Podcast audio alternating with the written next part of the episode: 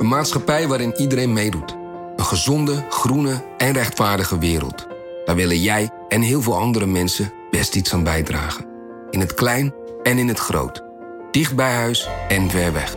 Zo hebben we vorig jaar 349 miljoen euro bij elkaar gebracht. Miljoenen waarmee onze goede doelenpartners de wereld elke dag een beetje beter kunnen maken. Nationale Postcode Loterij. Samen voor een betere wereld. Aquarius Red Peach Zero Sugar. Met zijn heerlijke frisse persiksmaak zonder suiker draagt Aquarius bij tot jouw dagelijkse hydratatie en helpt zo mee om je vochtbalans op peil te houden tijdens alledaagse actieve momenten. Thuis, op het werk of onderweg. Ook verkrijgbaar in smaken lemon en orange. Probeer hem nu. Vanaf de redactie van NRC het verhaal van vandaag. Mijn naam is Thomas Ruip.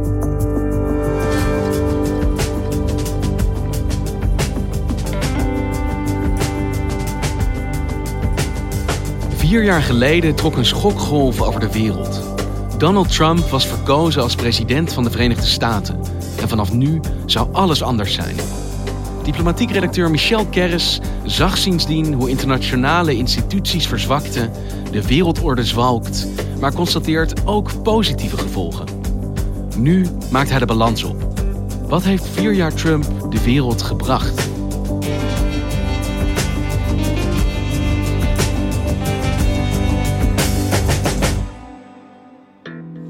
Paar weken geleden was er in de Bali in Amsterdam een avond georganiseerd door de Atlantische Commissie. Dear friends, ladies and gentlemen, welcome to this special program on the US elections with a great guest. En daar was via videoverbinding Ivo Daalder te gast. Ivo Daalder is een uh, voormalige Amerikaanse ambassadeur bij de NAVO en leidt tegenwoordig een denktank over internationale betrekkingen. He's sitting there.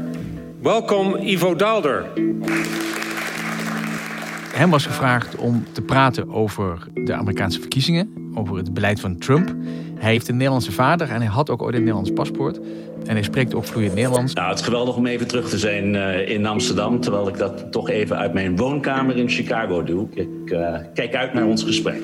Met welk gevoel keek hij daar in de Bali terug op wat dus, nou ja, inmiddels vier jaar Trump is?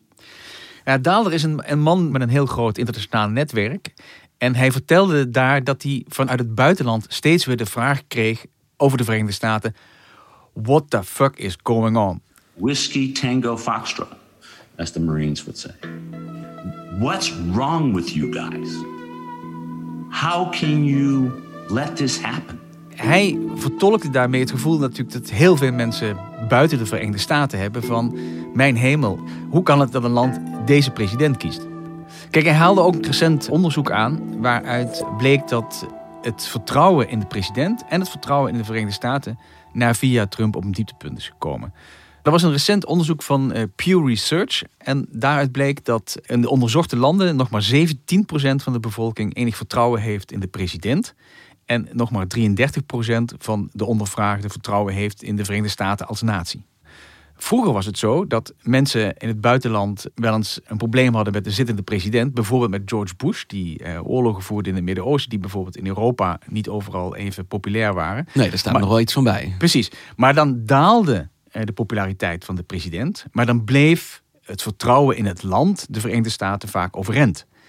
Nu valt dat samen. Dus de Verenigde Staten staan op een impopulair dieptepunt. Ja, Hey, en we zijn nu vier jaar na de verkiezing van Trump. We staan aan de vooravond van de nieuwe verkiezingen. En jij bent als diplomatiek redacteur voor ons een balans gaan opmaken van wat de gevolgen zijn geweest van vier jaar Trump. Ja. Waar beginnen we dan? Nou, je moet eigenlijk dan even helemaal terug naar het moment van die verkiezingsnacht in 2016. It is my high honor and distinct privilege to introduce to you the president-elect of the United States of America, Donald Trump. Trump was eigenlijk voor de wereld shocktherapie. Om te beginnen hadden we hem al niet zien aankomen. Eigenlijk was iedereen er toch van uitgegaan dat Hillary Clinton de verkiezingen zou winnen. Dus dat je een nieuwe democratische periode zou krijgen met veel continuïteit. Maar we kregen plotseling een vrouw-vijandige uh, vastgoedbaas met een veel te lange rode das en geen enkele politieke ervaring. Ja, je hoorde collectief gewoon hard slikken, eventjes, over de hele wereld. Ja, precies. En hij bleek onmiddellijk anders te zijn, zowel in stijl als in inhoud. In die korte periode dat een Amerikaanse gekozen president de president-elect is, zeg maar tussen de verkiezingen en de inauguratie in, in januari, begon hij al uitspraken te doen die overal alarmsignalen deden afgaan. De eerste, de eerste dingen die hier opvielen was dat hij eh, zei dat de NAVO, eh, hij zei in het Engels, obsolete was. Here's the problem with NATO. It's obsolete and we pay too much money. En toen vroeg iedereen zich nog af, oké, wat bedoelt hij nou? Obsolete kan namelijk betekenen verouderd. Dat betekent dat we gewoon de NAVO moeten vernieuwen. Of obsolete kan betekenen overbodig. Dus willen de Amerikanen nu uit de NAVO stappen? En was dit onverwacht dat Trump zich gelijk zo zou opstellen? Als je had opgelet, had je dat kunnen weten. En zijn verkiezingsbelofte was natuurlijk America First. Maar we moesten nog zien hoe dat in de praktijk zou uitpakken. From this day forward, it's going to be only America first. America first. En dat is hij ook gaan doen. Ja, op de eerste dag dat hij eh, in het Oval Office zat, eh, stapte hij al meteen uit een eh, verdrag. En dat was een handelsverdrag voor Azië. Dat was eh, al door de vorige regering, was daar lang over onderhandeld. En dat wilde hij gewoon niet. Dag één. Dat was echt dag één. En toen wist je, oké, dit gaat echt eh, helemaal fout als dit zo doorgaat. En dat is ook precies wat hij gedaan heeft. Hij heeft systematisch afstand genomen van internationale verdragen die eh, hij slecht vond eh, voor de Verenigde Staten. En die hij ook slecht vond omdat ze tot het erfgoed van zijn voorganger eh, behoorden. Dus vaak nam hij ook afstand van dingen omdat ze nou eenmaal door Obama voor elkaar waren gekregen. En wat is die lijst? Wat heeft hij allemaal opgezegd? Nou, dat is een lange lijst. In Europa viel bijvoorbeeld heel erg verkeerd dat hij uit het klimaatakkoord van eh, Parijs stapte. Dus dat was een grote tegenvaller. En ook wel een, een, een tik voor het internationaal overleg en het, en het feit dat je met internationaal overleg wel tot iets kunt komen. Want hij zei, dit is niet iets wat belangrijk is voor de VS. Was dat zijn overweging? Ja, en hij formuleerde dat heel mooi. Hij zei, I was elected to represent the citizens of Pittsburgh, not Paris. Dus laat zien hoe hij kijkt naar Ja, dit soort verdragen. Het dédain eh, droop er natuurlijk vanaf. En daarnaast is er nog iets, een soort indirect effect van zijn optreden. Hij kon heel goed overweg met eh, autocraten. Hij dealde graag met Poetin en Xi en, en, hij kreeg- Van China. en Bolsonaro kwam bij hem op bezoek. En dat ging allemaal heel vlotjes. Maar hij kon heel moeilijk overweg met leiders en vooral de leidsters van eh, democratische landen. Dus als dan kanselier Merkel uit Duitsland of Theresa May van het Verenigd Koninkrijk bij hem op bezoek gingen, dan die bezoekjes stonden stijf van het ongemak. Persoonlijk ongemak? Dat is persoonlijk ongemak, maar het is ook dédain voor die landen. En wat hij ook deed was, hij liet duidelijk weten dat hij de VN een organisatie vond die alleen maar eh, geld kostte. En hij zocht ook altijd een beetje ruzie met de Europese Unie. Want dat vond hij niet een heel mooi samenwerkingsproject, zoals de meeste Amerikaanse presidenten het zagen. Maar dat vond hij gewoon een tegenstander van de Verenigde Staten. Net zo slecht eh, als China, zei hij één keer, eh, maar wel iets kleiner. The European Union is possibly as bad as China, just smaller. It's terrible what they do to us. En bestaande afspraken die voor zijn presidentschap zijn gemaakt, dat die vormden geen belemmering voor hem om zich daaraan te onttrekken. Nee, het internationale nucleaire akkoord met Iran. Dat is een internationaal akkoord waar jaren aan gewerkt was. Nou, eh, Trump had in de verkiezingscampagne daar al vaker eh, tegen aangetrapt, tegen dat akkoord. En hij wilde daar vanaf. As I have said many times, the Iran deal was one of the worst and most one sided transactions the United States has ever entered into. De Europeanen hebben van alles geprobeerd om hem nog eh, bij de les te houden en hem op andere gedachten te brengen. En dat is niet gelukt. Dus uiteindelijk is hij daar eh, met een grote persconferentie en veel eh, tamtam uitgestapt. I am announcing today that the United States will withdraw from the Iran nuclear deal. En dat zijn grote afspraken. Dat zijn afspraken waar veel landen bij betrokken zijn. Waar soms tien jaar onderhandelingen aan vooraf gegaan zijn. En die vaak ook door de eh, Verenigde Naties nog een keer extra bekrachtigd worden. Dus het is niet zomaar een dealtje tussen twee landen. Dit is echt een belangrijke internationale afspraak in de internationale gemeenschap.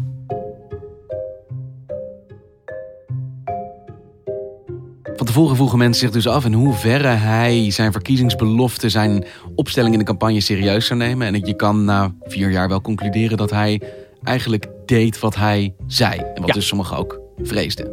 Ja, hij deed precies wat hij zei. In het begin dacht iedereen nog, ja, misschien zal het wel niet zo'n vaart lopen. Daar waren een paar redenen voor. Amerika is meer dan de president. Het is een democratie met instellingen. Dus die instellingen belemmeren hem ook, zijn bewegingsruimte ook. Het congres, rechtspraak. Dat bleek voor een deel ook zo te zijn, maar hij bleek tegelijkertijd ook een enorm dinet te hebben voor die Amerikaanse instellingen. En eh, iedereen dacht ook, nou ja, zo'n president is natuurlijk omgeven door verstandige mensen. de uh, volwassenen in de Kamer gingen ze heten. Uh, dus er zijn altijd wel mensen, dat als hij iets geks wil doen, die dan zullen zeggen van nou moet je hier nog eens een nachtje over slapen. Die mensen waren er ook wel, maar die sneuvelden stuk voor stuk. En iedereen die hem tegensprak, werd gewoon vrij snel vervangen. Dus in de eerste jaren in dat Witte Huis was het ook gewoon een komen en gaan van steeds weer nieuwe adviseurs van mensen, nieuwe ministers die moesten proberen dat uh, beleid vorm te geven. Ja, je zei het leek op shocktherapie en dat is het ook gebleken. We hebben nu als wereld vier jaar shocktherapie gehad. Ja, absoluut. Hey, en Michel, wat zijn nou uiteindelijk de gevolgen van die rij beslissingen en keuzes die Trump als president heeft gemaakt voor de wereldorde? Hoe kijk je daarnaar als diplomatiek redacteur? Nou ja, kijk, die, dat woord wereldorde, daar moeten we misschien even, even bij stilstaan. Oké. De Amerikanen hebben na de Tweede Wereldoorlog bedacht dat de wereld een soort van bestuursstructuur zou moeten krijgen. Die bouwden een systeem dat bestond uit banden aanhalen met eh, vriendschappelijke landen, het opbouwen van Europa, geld geven aan Europa, zodat de wederopbouw in Europa goed zou komen om de democratie hier tot leven te wekken. En een heel aantal internationale organisaties ontstond, de VN, het IMF, de Wereldbank, om een soort van internationaal netwerk te bouwen om die wereld in toom te houden. Zodat het niet weer tot een wereldbrand zou kunnen komen. Van alles wat ik onder die gemakzuchtige noemer van wereldorde zou Precies, scharen. Exact. Nou, en dat is een heel systeem. En dat systeem is, het is eigenlijk een Amerikaans systeem. Het was voor een goed deel door de Amerikanen gepromoot. Het werd ook voor een deel door de Amerikanen betaald. En er was altijd toch een beetje het idee dat de Amerikanen dit uh, moeten trekken. Dus wat je dus zag bijvoorbeeld in de VN, is dat de Verenigde Staten waren lid van de VN en tegelijkertijd uh, waren ze ook het land dat het systeem mogelijk maakt. Die leiderschaprol, dat voor oplopen in de wereld, voor een betere wereld, dat wilde Trump per se niet. Dat heeft hij ook niet gedaan. En dat is ook wel schadelijk gebleken voor die organisaties. De VN is duidelijk uh, verzwakt. Dat zagen ze in Beijing ook. En uh, president Xi dacht: oké, dat is dan een mooie kans voor mij. Want ik ben toevallig de baas van een uh, opkomende wereldmarkt. Dus als de Verenigde Staten daar een gat laten vallen, dan schuif ik daar graag in. Dus dan krijg je dus het merkwaardige fenomeen dat er dus organisaties zijn die democratie en vrijheid in het vaandel hebben. Nu zien dat een autocratisch land waar geen vrijheid heerst, China, uh, daar steeds meer invloed heeft. Een andere belangrijke organisatie is natuurlijk de NAVO. Het bondgenootschap wat heel belangrijk is voor de veiligheid uh, van Europa. En dat eigenlijk gebouwd is op een uh, afspraak dat als één land wordt aangevallen, alle landen worden aangevallen. Mhm. En wat daar gebeurde is dat Trump dat heel lang in het midden liet of hij dat wel zou doen. Dus in die organisatie, die is weliswaar niet zo direct verzwakt, maar daar is een soort van wantrouwen binnengeslopen. De Amerikanen zeggen wel van ja, wij blijven wel van de NAVO.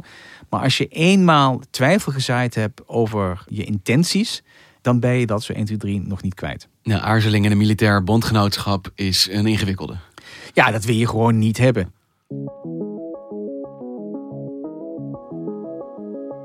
Hoe ziet de diplomatieke wereld van internationale afspraken er nu op dit moment uit na vier jaar Trump? Wat is die diagnose? Nou, de diagnose is dat die wereldorde is verzwakt, onzeker. Het is niet helemaal duidelijk uh, welke kant we op gaan. Ja, het, het piept en het kraakt. Het zwalkt. Ja. Want dat is wel iets, als je dit zo op een rij zet, waar je net toch best een knoop van in je maag kan krijgen. Heeft het presidentschap van Trump ook positieve gevolgen gehad voor ja, de rest van de wereld? Ja, er zijn natuurlijk positieve bijeffecten geweest van dit optreden. In de eerste plaats is het natuurlijk zo dat we dankzij Trump anders zijn gaan kijken naar China de wereld zag China eigenlijk vooral als nog als een, een land met een geweldige economische ontwikkeling. Waar je, ja, daar was wel een probleempje met mensenrechten, maar daar stapten we dan overheen. Want dat kon je zo prachtig handel voeren met dat land. En voor de rest was China ook heel welkom hier. We haalden investeringen binnen. Dat is veranderd. We kijken nu in Europa bijvoorbeeld heel kritisch naar China en vragen ons af of China wel met de beste bedoelingen hier binnenwandelt. Dat China meer is dan een opkomende economie, maar eigenlijk een grootmacht waar je ook wel een beetje voor moet oppassen. Precies. Die alertheid hebben we te danken aan het debat wat Trump uh, heeft aangezwengeld. Dat is winst, denk ik. En winst is ook dat in de NAVO heeft Trump enorm ruzie gemaakt met de Europeanen omdat ze te weinig geld uitgaven aan hun krijgsmacht. Die defensieuitgaven gaan omhoog. Uh, dus ik denk dat dat ook winst is. Bovendien hadden de NAVO-landen dat onderling ook afgesproken. Uh, dus Nederland had al gezegd in NAVO-verband: ja, wij gaan meer geld uitgeven, maar deed het gewoon niet. Uh, en doet het nu wel, of nou, mondjesmaat, maar het gaat beter. Dus hij heeft aan de ene kant wantrouwen in de NAVO gezaaid, maar tegelijkertijd wel de NAVO op een bepaalde manier eerlijker gemaakt. Nou ja, hij heeft in ieder geval ervoor gezorgd dat de lidstaten hun afspraken beter nakomen. En door te wijzen op uh, de opkomst van China en door zelf zich terug te trekken, is ook in Europa en zeker in Brussel het besef doorgedrongen van wacht eens even, wij staan misschien wel alleen op de wereld. Het is misschien niet meer zo logisch dat wij voor onze veiligheid volledig afhankelijk zijn van onze grote broer aan de andere kant van de oceaan. Dus het besef dat uh, Europa zelfstandiger moet worden, is ook een effect van Trump. En dat is denk ik ook een positief effect. Er wordt eigenlijk denk ik wat realistischer naar de wereld gekeken. Een soort waas van romantiek die altijd om het Amerikaanse buitenlandse beleid heen hing, is weg. Maar niet alleen omdat dat veranderd is, maar het laat ons misschien ook dus realistischer kijken naar de VS. Ja, het laat ons ook realistischer kijken naar de VS en ook realistischer naar de, naar de rest van de wereld. Hey, en kunnen we nou spreken van vooruitgang of achteruitgang in de afgelopen vier jaar voor de wereld? Nou, als je het in grote termen ziet, zou ik zeggen dat het uh, onzekerder is geworden. Dus in die zin is het achteruitgang. Trump zal daar trouwens tegen inbrengen, zelf neem ik aan, uh, dat hij toch wel een paar dingen gepresteerd heeft. Hij zou zeggen, hè, er is vrede in Afghanistan. Israël is met voormalige vijanden uh, in de golfstaten nu opeens op goede voet. En het zou me ook niet verbazen als we de komende dagen nog een uh, wapenakkoord tussen de Verenigde Staten en Rusland uh, zien. Dat die op een of andere manier nog voor elkaar probeert te krijgen om goede sier te maken. Het zijn kleine dingetjes waarvan Ivo Daalder zei. Nou ja, als je vier jaar president bent, dan krijg je ook wel iets voor elkaar. You know, just as a clock without a battery is tells the right time twice a day, it may indeed happen that in the course of three and a half years you can stumble in doing some things right when it comes to foreign policy. En we zitten natuurlijk op dit moment vlak voor uh, nieuwe Amerikaanse verkiezingen. Die veranderingen die Trump wereldwijd op het wereldtoneel teweeg heeft gebracht, hoe permanent zijn die? Of is dit terug te draaien als bijvoorbeeld Joe Biden nu verkozen zou worden? Ja, dit brengt ons eigenlijk op het belangrijkste punt voor de komende dagen. Daalder zei bijvoorbeeld: uh, dit zijn de belangrijkste verkiezingen voor het buitenlands beleid van de Verenigde Staten sinds 1940. Uh, this election is the most important election since 1940 because if Donald Trump gets reelected, then I don't think you're going to find the world uniting behind Donald Trump's view of, uh, of international relations. En het vakblad uh, Foreign Policy kwam uh, deze dagen uit en zei zelfs op de cover: dit zijn de belangrijkste Amerikaanse verkiezingen ooit. En laten we hem uh, eens opdelen. Stel dat Joe Biden wordt verkozen strakjes op 3 november, of ja. wanneer dat dan ook bekend gaat zijn wie er wint hoe ver kan hij met een hele andere visie dan Trump op de wereld uh, ongedaan maken wat Trump teweeggebracht heeft in de afgelopen vier jaar?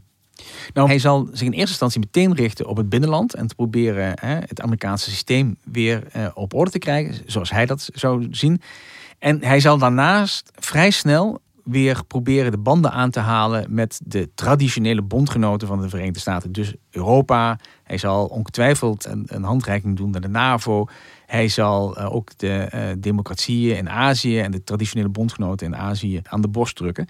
Dat betekent niet dat Biden in staat zou zijn om zomaar die vier jaar uh, geheel te niet te doen. Dus dan heb je nu toch vier jaar achterstand. Dus als je bijvoorbeeld het klimaatakkoord neemt, dan worden de Amerikanen weer lid, maar we zijn wel vier jaar verder.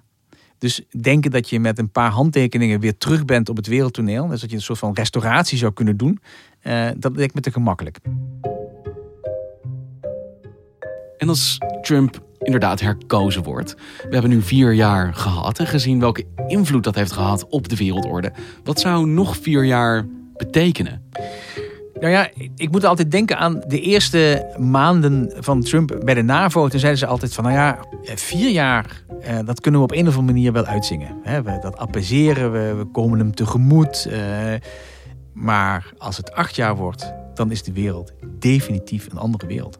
En dan is het geen zaak van vooruitgang of achteruitgang meer. Dan gaan we geheel nieuwe tijdzone in. Dan gaan we echt definitief naar een wereld waar landen invloedssferen zullen creëren om zich heen. En dat uh, die verschillende polen permanent met elkaar in strijd zullen zijn. Dankjewel, Michel. Graag gedaan. Je luisterde naar vandaag, een podcast van NRC. Eén verhaal, elke dag. Deze aflevering werd gemaakt door Henk Ruigrok van de Werven, Anne Kortering en Jan-Paul de Bond. Chef van de audioredactie is Anne Moraal. Dit was vandaag, maandag weer.